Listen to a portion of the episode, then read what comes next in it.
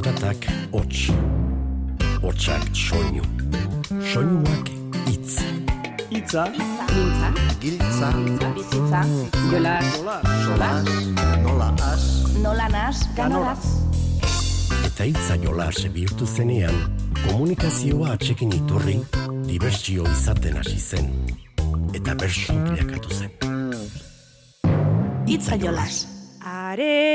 Areta kondartza edo ereaga, Ibaiean bizkaia zubiko isla da. Portu zarraren xarma, labarretan gaba, udazken koloretan negu pintzela da. Goizeko paseota, eguerdiko raba, igande baterako getxo bikaina da.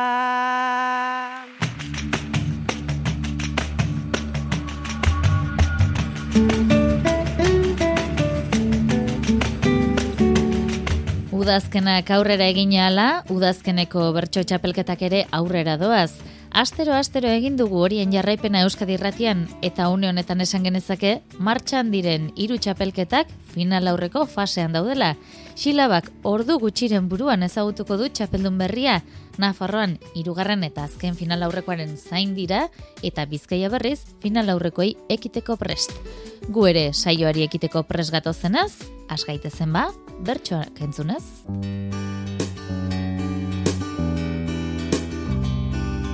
Música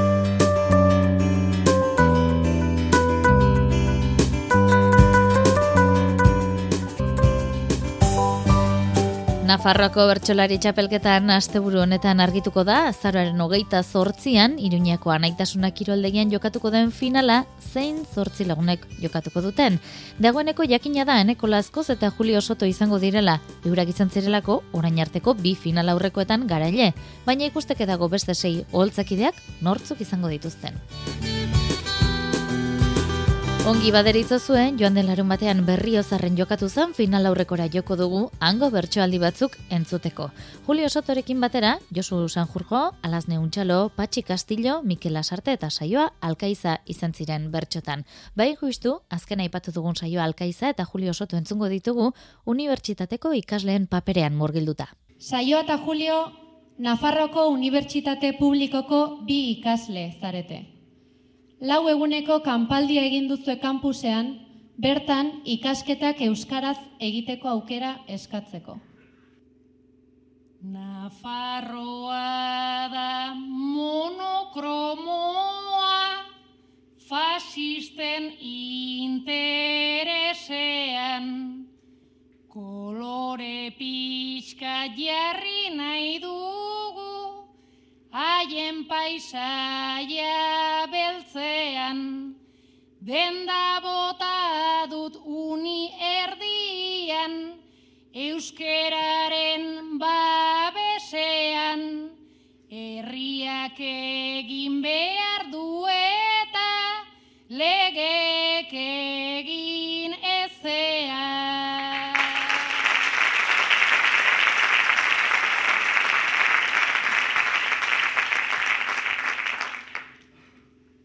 Batzuentzako gu euskaldunak gara jendaje txartuak, ardi errenen gixan gauzkate, eskortean bakartuak. Uni ateak naiz gogonez ez, ala beharrez hartuak. Bozgorailuan premia dauka, isiltzera behartuak.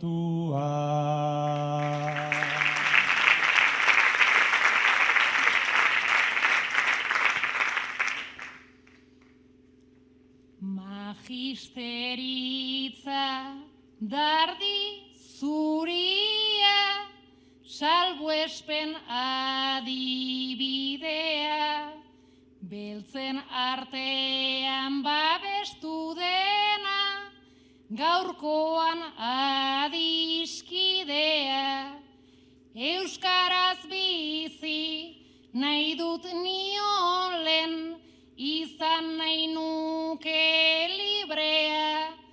baina kontua ez da hemen aia, baizik ta eskubidea.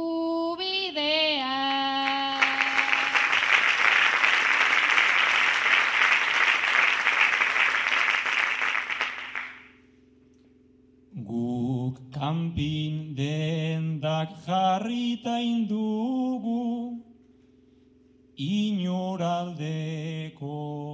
bidaia, salatu asmoz eskubideen, zelaiko gure ez baian. Baldin ukatzen badio bere, ikasleari lenguaia. Unibertsitate horrek ez du, gainditu lehen ikasgaia.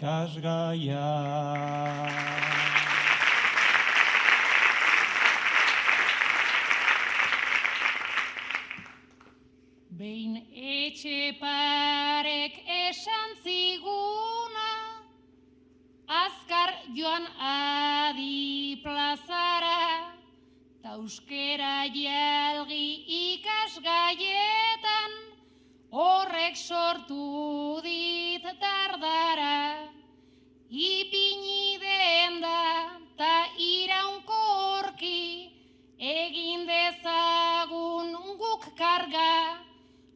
norbait noizbait onartu beharko dute, gu joaten ez pagara.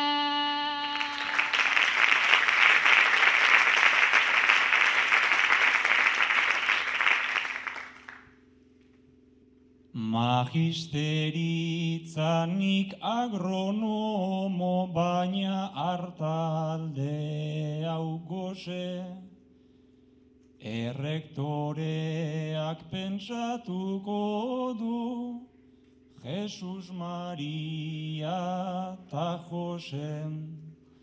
Protestatxo hau egin trukean, gu egotearen hortxe, deserosoa etzaien arte, jasoko dugu zeo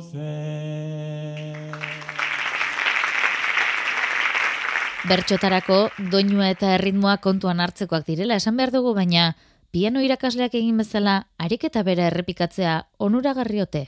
Julio piano ikaslea zara eta Josu irakaslea.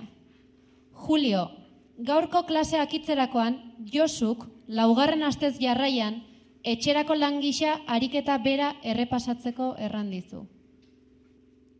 Naizta saiatzen naizen ari eta ari, badakit ez dudala talentu ugari. Laugarrengo aldikoz etxera bibaldi, autoestima altxatzeko onena bibai. Autoestima altxatzeko onena bibai.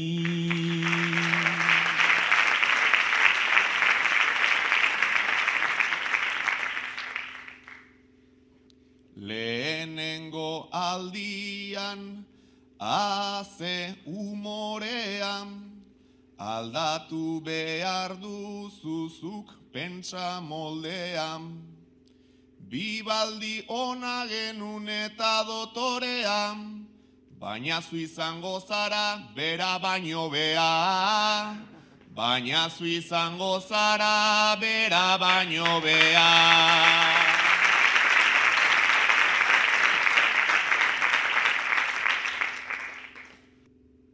Hori pentsatze utxatze erreparoa, izango litzateke gauza arraroa. Naiz bost atzetan dauden sola eta doa, behar dut teklatu bat luzexeagoa. Behar dut teklatu bat luzexeagoa.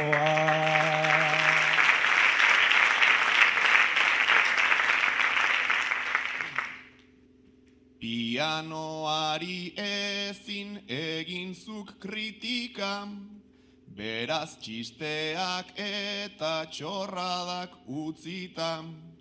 Etxera joan zaitez bi orduz praktika, disiplina talana hori da musika. Disiplina talana hori da musika.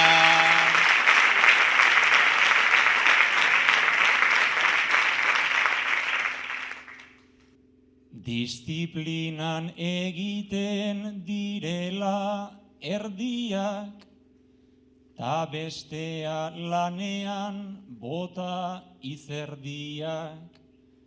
Zer metodologia liluragarriak, ikasi behar dituzu abesti berriak. Ikasi behar dituzu abesti berria.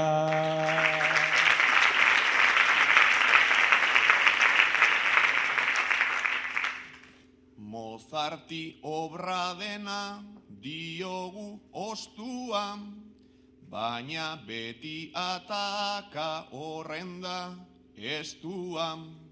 Hasi zaitez lanean naiz ezten justua, edo bertzeen gizan jozazu txistua. Edo bertzeen gizan jozazu txistua. Alaz neuntxalo eta saio alkaizaren arteko ofizioa dator orain, amarreko txikian. Komeni, behar eta nahi denaren artean non jarriko ote dute hauek muga? Alazne eta saioa aizpak zarete. Zuen larogeita zortzi urteko aitaren bizio bakarra egunean zigarro bat erretzea da. Medikuak ustea gomendatu dio. Alazne, zuk medikuari kasu egin eta ustean nahi duzu. Saioak ez.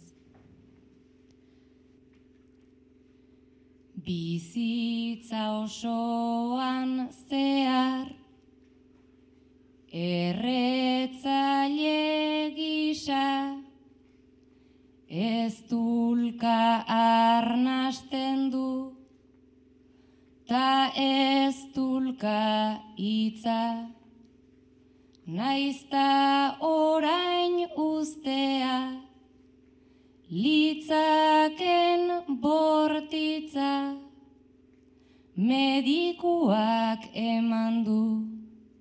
Onuraren giltza Kalitatez bukatu Dezala bizitza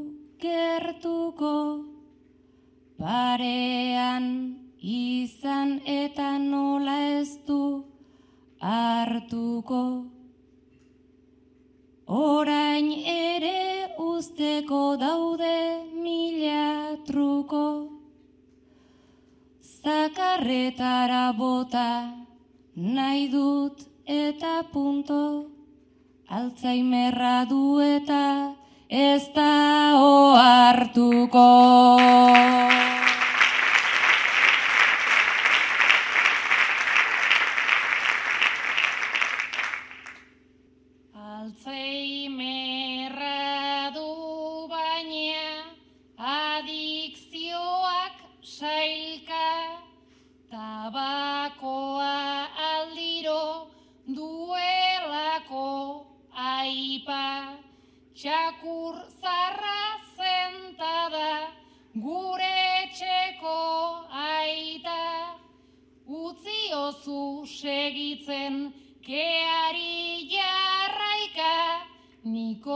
nikotina zezpada pena zilko baita. Julio Sotoren bakarkakoaren txanda dugu, puntu erantzunetan eta kartzelako ariketan entzungo dugu. Julio, hause duzu lehenengo puntua. Argiaren faktura ordaintzeko estu.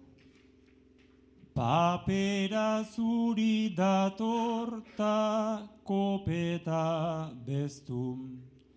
Estatuak enpresak oi ditu babestu, tagu beti bezala izenikan ez du.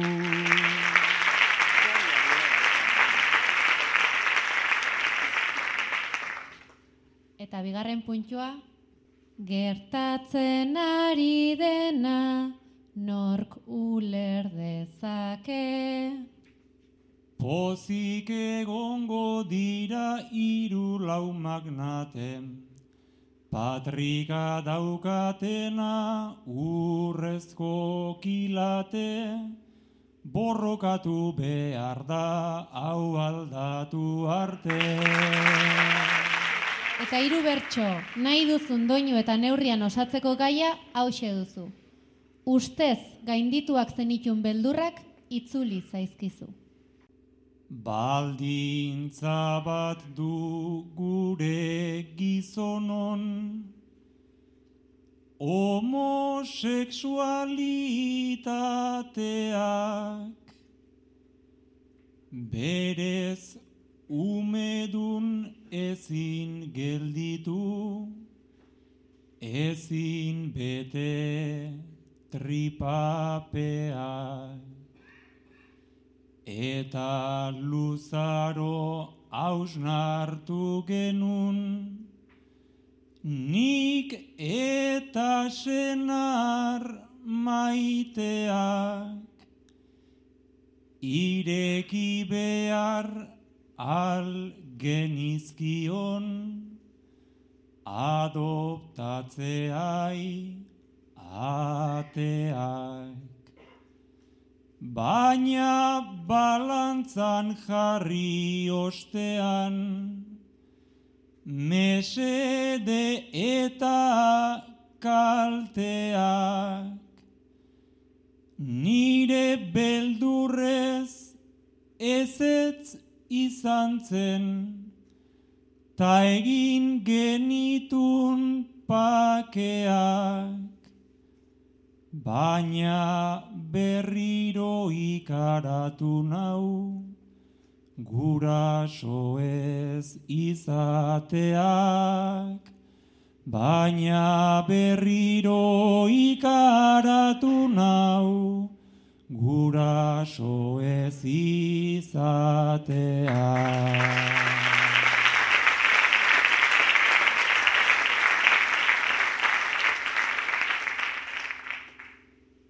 Bikote gara badakizue beti erabakia bi berak etzu nahi nik ez nuen nahi ta ume gabe ze kabin. Ustez gainditu nuen bildurra, etorri zait zelatari, ta hemen daukat barrua lasai, ez dudanan salatari. Badakit zer den konpartitzea, Hortik egin dut ugari, zer den emanta irakastea, ondoan daukazunari, baina zeote da egin ezkero, zure telapekoari.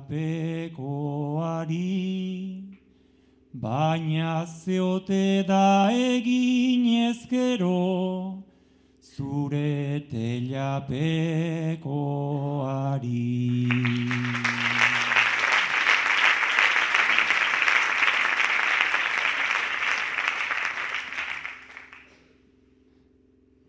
Senarrari ez diot deus esan, ta esan gabe bazekin, ze galdetu dit zalantzati alzaude erabakiekin. Babai lastana ez daukat garbi, ta esate hortan ekin. Besarkatu nauta egon gara. Mutu mutu elkarrekin. Momentuz behintzat aztu nahi nuke egin gutxinez alegin Ze adoptatzeko bideska hori naiz eta eman atxegin. Ziurtasunik izan ezean, beldurrez ezin da egin. Ziurtasunik izan ezean, bildurrik ezin da Nafarroako txapelketarekin amaitzeko gogora dezagun txapelketari dagokion hirugarren eta azken final aurrekoa leitzan izango dela azaroaren amalauan igandez arratsaldeko bosterdietan leitzako herriaretoan. Bertxopedia. Artxibotik tiraka. Gaurko hitza. San Martin. Garai batean, San Martin egunez, txerria hiltzen zen. Ba ohitura hori aitzakiatzat hartuta, mila bederatzen da laurogeita amaseiko azaroaren zortzira joango gara. Ataunen, Jonaizpuruak jarri zien honako gaia, Andoni Gaina eta Sebastian Lizasori. Andoni eta Sebastian, gaia gonela dio, txerri guztiei iristen zaie Samartina. San Martin jaia eltzen danean, zerri guztiak bildurrez aidean. Eta falta dira hiru egun, denok hortaz pentsatu dezagun. Zerri guztiak ez ditut berdinak ikusiak, biankakoak zerri txusiak.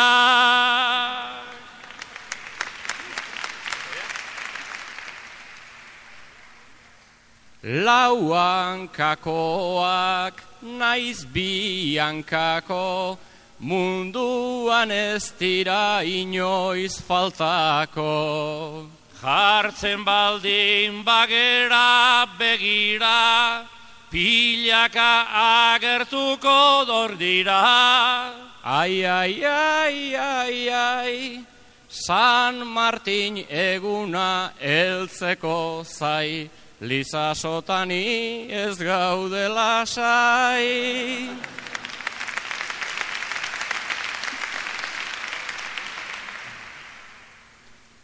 Kutsilloa eta kakoarekin prestaturikan amaika arakin. Gero garoa botata sutan, Alaxe entzunadet batzutan, nere trantzia, San Martin eguna pasatzia, handik aurrera salbo bizia. Baina artean hil zaitezketa, Lizaso eduki zazu arreta. Eriotzaren gandik igesi, abitu nahi nuke bizi-bizi. Ez naiz izutzen, Sebastiani kakoa sartzen, lan latza dago bizarrak sutzen. Neri kolpeka asten bazera, agian gero zeuretzat galera. Baina adiskidea det pila, ta eraman behar det kuadrilla. Zeure kalteko triparikan ez tezu beteko, zer nahi ez da ona hilda jateko. Liza sogarbi esan du zaunkan, alde horretatik arrazoi zeukan. Badut koipea eta badut grasa, dena jaten ez tezu erraza. Arranopola, zalantzarik ez daukat inola, trikinosiak jota dagola. Gaixo banago utzi bizirik, hiltzeak ez dit egiten grazirik. Injekzioa sartu aurretik, hortan etzaigu falta arretik. Zenek antzeman, zer bastertu eta gero zer jan, balio ez duna txakurra eman. Kilotan bada eun eta piko, bere gibel eta urdai azpiko. Erosten banazuni pixura, zure kartera ere aurki ustu da. Biba Rusia, hau ez tegu jaki itxusia, aprobetxatzen bada guzia.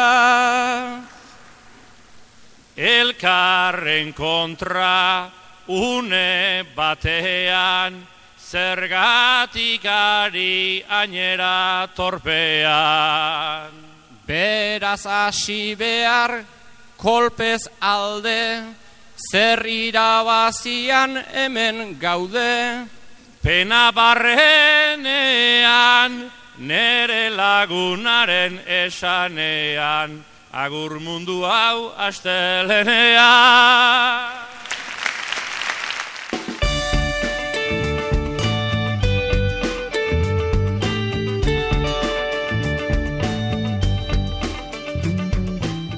Bizkaiko bertsolari txapelketak gaur getxoko musika berri aretora eramango gaitu. Antxe jokatu baitzen seigarren eta azken kanporaketa. Udazkeneko hirugarren txapelketa beraz, final aurrekoetan sartzekotan da.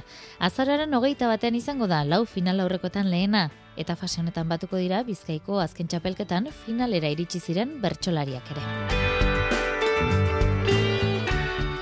Aurrez baina, azken kanporaketa honek emandakoa jasotzen saiatuko gara. Asteko esan dezagun, getxoko musika berri zentroan kantuan nortzuk jardun zuten. Enare muniategi, eneko aldana Josune Aramendi, Koldo Muñiz, Malena Navar eta Unai Mendiburu izan ziren. Josune Aramendi izan zen final aurrekoetarako txartela lortu zuena eta berea izan da gaurko saioari hasiera eman dion agurra. Ba, Unai Mendiburu eta Koldo Muñiz koronavirusaren inguruan aritu ziren. Pandemia aurreko egoerara itzuliko otegara? Unai eta koldo, lagunak zarie.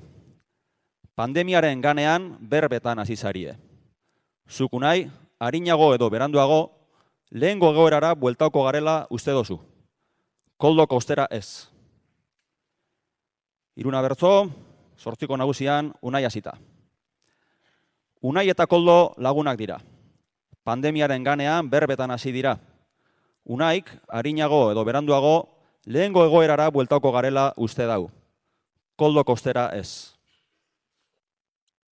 Urte eta erdi pasatu dugu, etxe barruan gordeta, ordutegia eta aforoak, mugitzen ziren tarteka.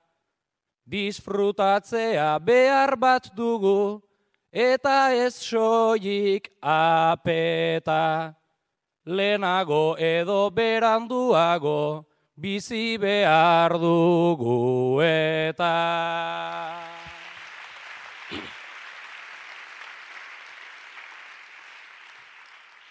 Bizi behar gara, egia da bai, ta antzera zenbat datu.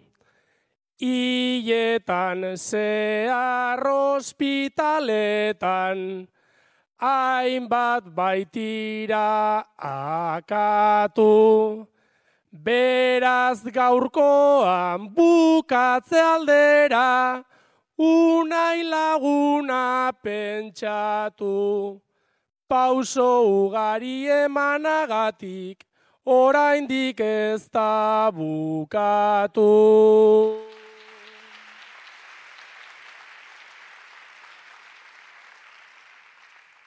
Baina bukatze bidean dago, eta zein dugu kaltea. Adibidea ospitaleko lanata borondatea. Orain artean kontra esankor izan arren esatea. Zentzu honetan ez da aintxarra positibo izatea.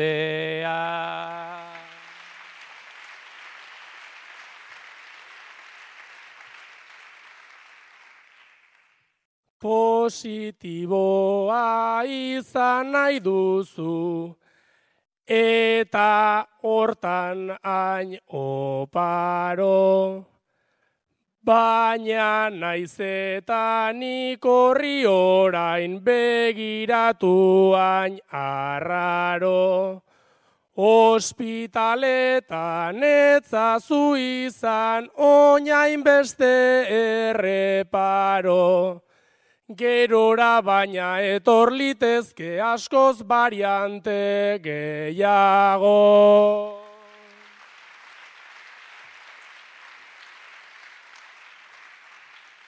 Eta nik ez dut egingo noski, variante horien alde. Baina egun baten mundu ontatik, egin behar dute alde. Ikusten zaitut nahiko kesati, antza dena dago grabe eta parrandan atera zara berriz maskarilla gabe.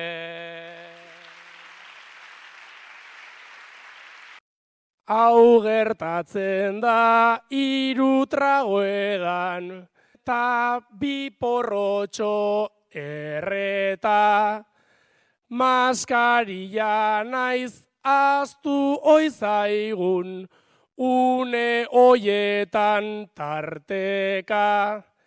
Eguneroko bizitzan bueltau, ta dena ondo gogo eta egia esan nolan bizitzen, jada oitu gara eta... Unai Muñizekin segiko dugu, oraingoan baina, malen amenabarrekin batera hariko da zortziko txikian. Sutearen alarma entzun da, zuek zerre ingo zenukete? Malen eta unai, lankideak zarie.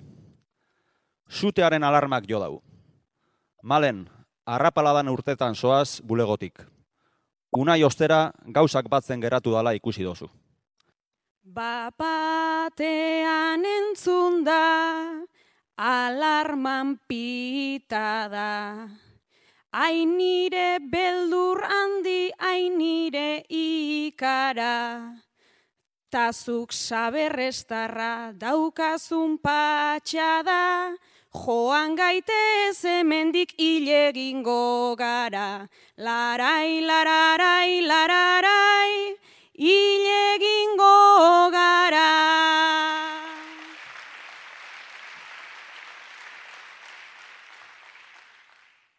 Alarma entzun duzu, ta denez normala, esprin bat bota duzu, esprin bat mundiala, hementxe igertzen da, malenez bezala, nik behintzat nire lana maitatzen dudala. Larai, lararai, lararai, maitatzen dudala.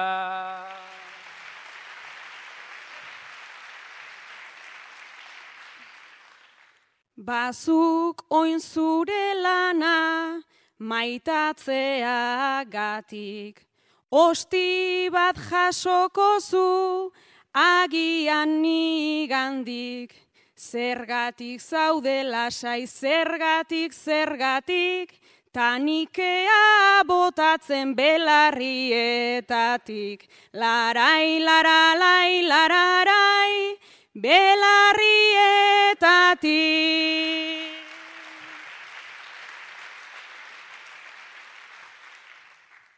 Zergatik nago lasai entzun zazu ara.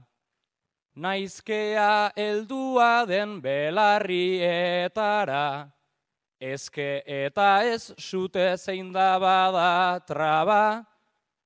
Arnasa hartu zazu simulakroa da. Trarai, lararai, lararai, simulakroa da.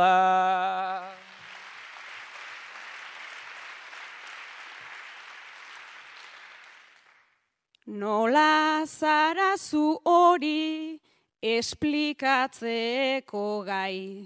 Ez da simulakroa ta dot alde egin nahi.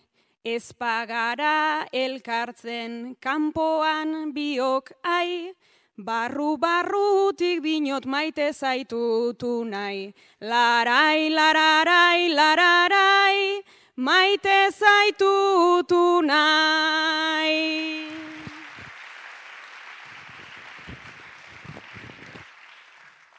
Aimalen zeinen ondo biak elkarrekin, ibiliak ginenak ekin eta ekin, argazki bat atera kamara batekin, Lasai ateratzean zuitzailearekin. Trarai, lararai, lararai, zuitzailearekin. Eneko aldana eta malen amena bar ditugu orain amarreko txikiko ofizioan. Errefuxiatuen kanpamenduetara eramango gaituzte. Eneko eta malen, errefuxatuen harrera talde bateko kideak zarie. Eneko, egoera zein dan ikusita, malenek egiten dozuena nahikoa ez dala esan dautzu. Gure partetik eman, behar da onena, ta hortze erakusten dugu gukemena. Ta bidean aurkitzen, hainbeste problema ta ezaldi batean, esango dut dena, guk egiten dugula, usten digutena.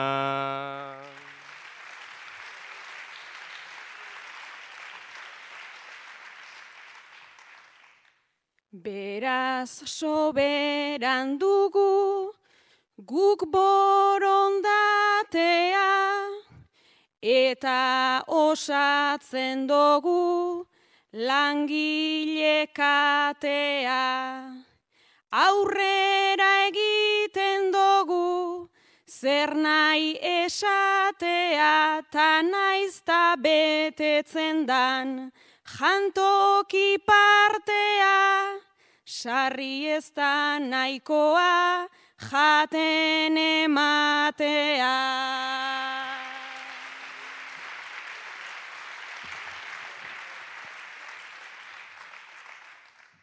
Laguntzera joaten, gara gu indartzu, ta bidean aurkitu, hainbat enbarazu. Naikoa ote dugun, galdezka zarazu, baina gaurkoan ona malen zer, dau, zer dakarzu, beste alternatibarik ba ote daukazu.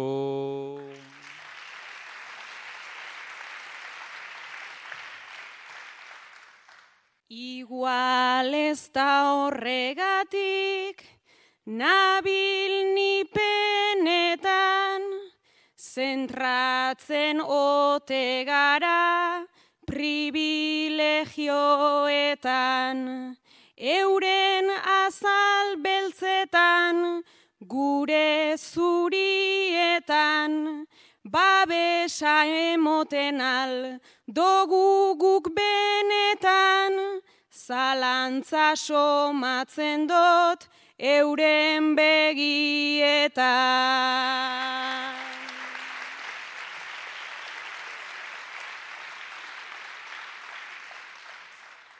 Honetan dara magu, nahikoa denbora, eta emaitzarekin eskaude gustora.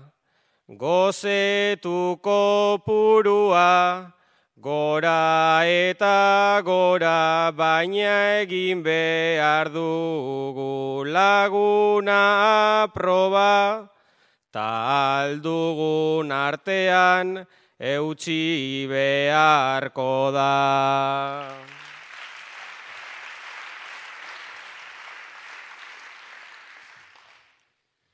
Gozea zabaldu da, beraien artean, eta hori guretzako bedan ezkaltean. Joan gaitezen protestan, danok atakean, ta bitartean lana egin elkartean, aurrera egingo dugu bien bitartean. Bakarkako lanean Josune Aramendi entzungo dugu. Josune, hau dozu bertso bi doinu eta neurri librean kantetako gaia. Itzartu zara eta leku berean jarraitzen dozu. Aspaldiko partez atzo, parrandara nintzen irten, ta berez ligatzeari, aterik ez diot isten. Atzo arrakasta izan ta, horri ez merituriken. Orain beraren etxean, barruan zenbat bizipen, begiak irekieta, sabel buelta eragiten, denbora da ez nuela, norbaitekin lo egiten, denbora da ez nuela, norbaitekin lo egiten.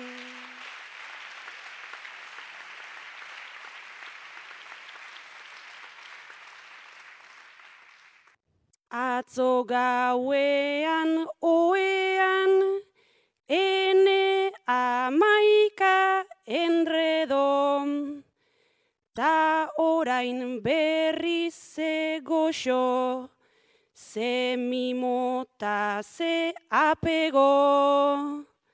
Behingo agatik nilasai, barruan damuak zero, obe olako uneak, banituzke egunero, eta ziur egon gonaiz, pozetan zoratzen ero, amestu dudan laurdena, egi bihurtu ezkero, amestu dudan laurdena, egi bihurtu ezkero.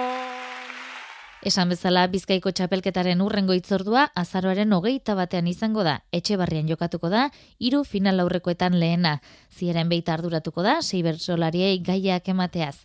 Holtzan, Ibon Ajuriago geaskoa, Miren Amuriza, Onintzen beita, Pauleixi Arloizaga, Gorka Pagona Barraga eta Imano Luria izango dira. Beste bi final aurrekoak, Galdaka hon eta Larra Betzun jokatuko dira, azaroaren hogeita zazpian eta benduaren lauan, urren ez urren.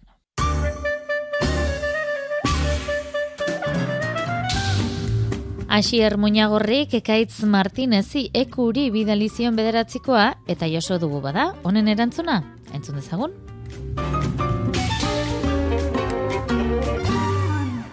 Bertsoa bizitzeko modu asko dago.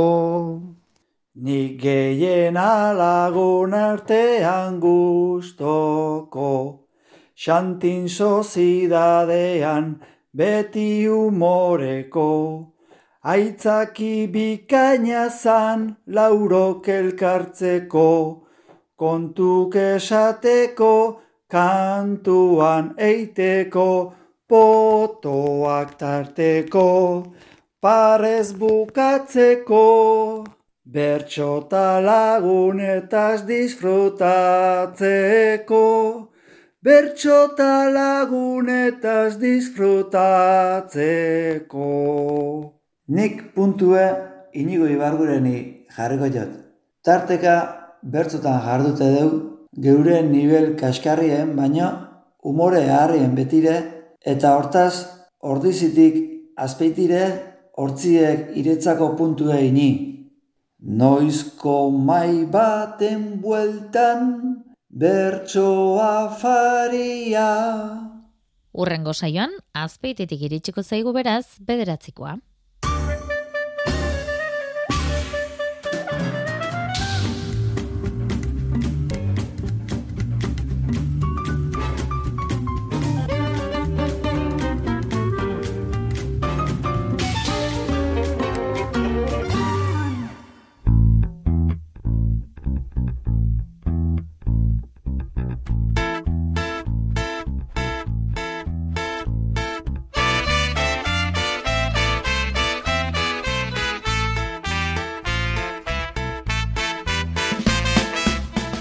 Eta xilaba finalaren atari-atarian da dagoeneko sumatuko da Donibane Loitzunen giroa, basaiatuko gara, eh? horren berri irratian eskaintzen. Gogoratu ezagun, ametsa hartzailuz, maianen hartzailuz, miren artetxe, odei barroso, patxi iriart eta maian etxoperena izango direla, lapurdi, baxena farra eta xibiruko xapel honetan, txapel preziatu lortzeko kantuan jardungo dutenak. Euretako batzuk ditugu jarraian, finalaren atarian nola sentitzen diren kontatuz. Gure buruaren aurkako ta, eta aldeko leia hortan jokatzen da. Finala eta bersoa ez zure burua aurkitzea zerbait alba da polita, eh, gogoan gelditu litekena, ustea, momentu bat sortzea hor. Lehen finala 2008ko hemen donibanen egin zela, orduan e, atzera itzultzea da. E, bai, tokiak beti du eragina, e, etxekoago egiten zait, Ba, nik behintzat ez dut hainbeste pentsatzen zenbat pasako diren zenbat ez. Hor, ariketa egitera noa eta ongien, eta uste dut ba aski kontzentratuta joan zaizkidala orain arteko saioak, eta ala egin egin nuke. Urduritasun puntu batek hartzen du, baina aldi berean iba sensazioa ez duela deus galtzeko, e, nire helbururik handiena finalean sartzea bera zen, orduan hemendik aurrera ba, dena dute irabazteko. Bo, helburua etzen, baina e, konten naiz, sarturik, sorpresa bat izan da nire tzatlenik, baina eh, atea, atea zabaldu da memento hartan eta sartu naiz, konte naiz. Bertxularien lagunak ala erabakita, Andoni Iturriotz Euskaltzale izango da, txapeldonari txapela jantzteko ohorea izango duena. Hartara, isilpian egindako lan mardula aitortu eta eskertuko diote. Irailaren emezortzian abiatu zen bidea, baina hogeita lau bersolari izan dira, eta guztiek merezi dute gaur holtzan izango direnak bezain besteko aitortza. Ordu gutxi batzuk besterik ez dira falta esan bezala, jakin mina ase, eta urtengo txapelduna nor izango den argitzeko. Datorren asteburuko saioan, finaleko aleak ekarriko dizkizuegu patxada zentzuteko. Eta ia, beste tarte batean, xilaba osoari errepaso egiteko patxadarik izaten dugun.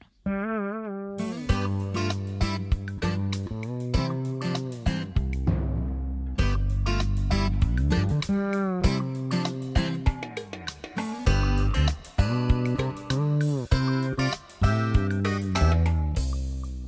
ba gaurkoa gaur saio osatzen Julen San Martin teknikaria eta biokaritu gara, beraz jaso zazue gure agurrik beroena.